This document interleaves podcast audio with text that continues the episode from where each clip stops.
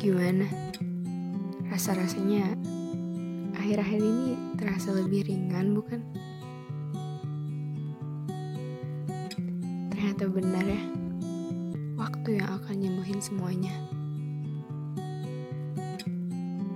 Udah ya, stop menyalahkan diri kamu sendiri. Yakin aja, semua hal di dunia ini terjadi karena ada alasan. Pasti ada hikmah di balik semua yang terjadi. Seenggak enak apa pun itu, pasti ada pelajaran yang bisa kamu ambil. Coba lihat diri kamu sekarang.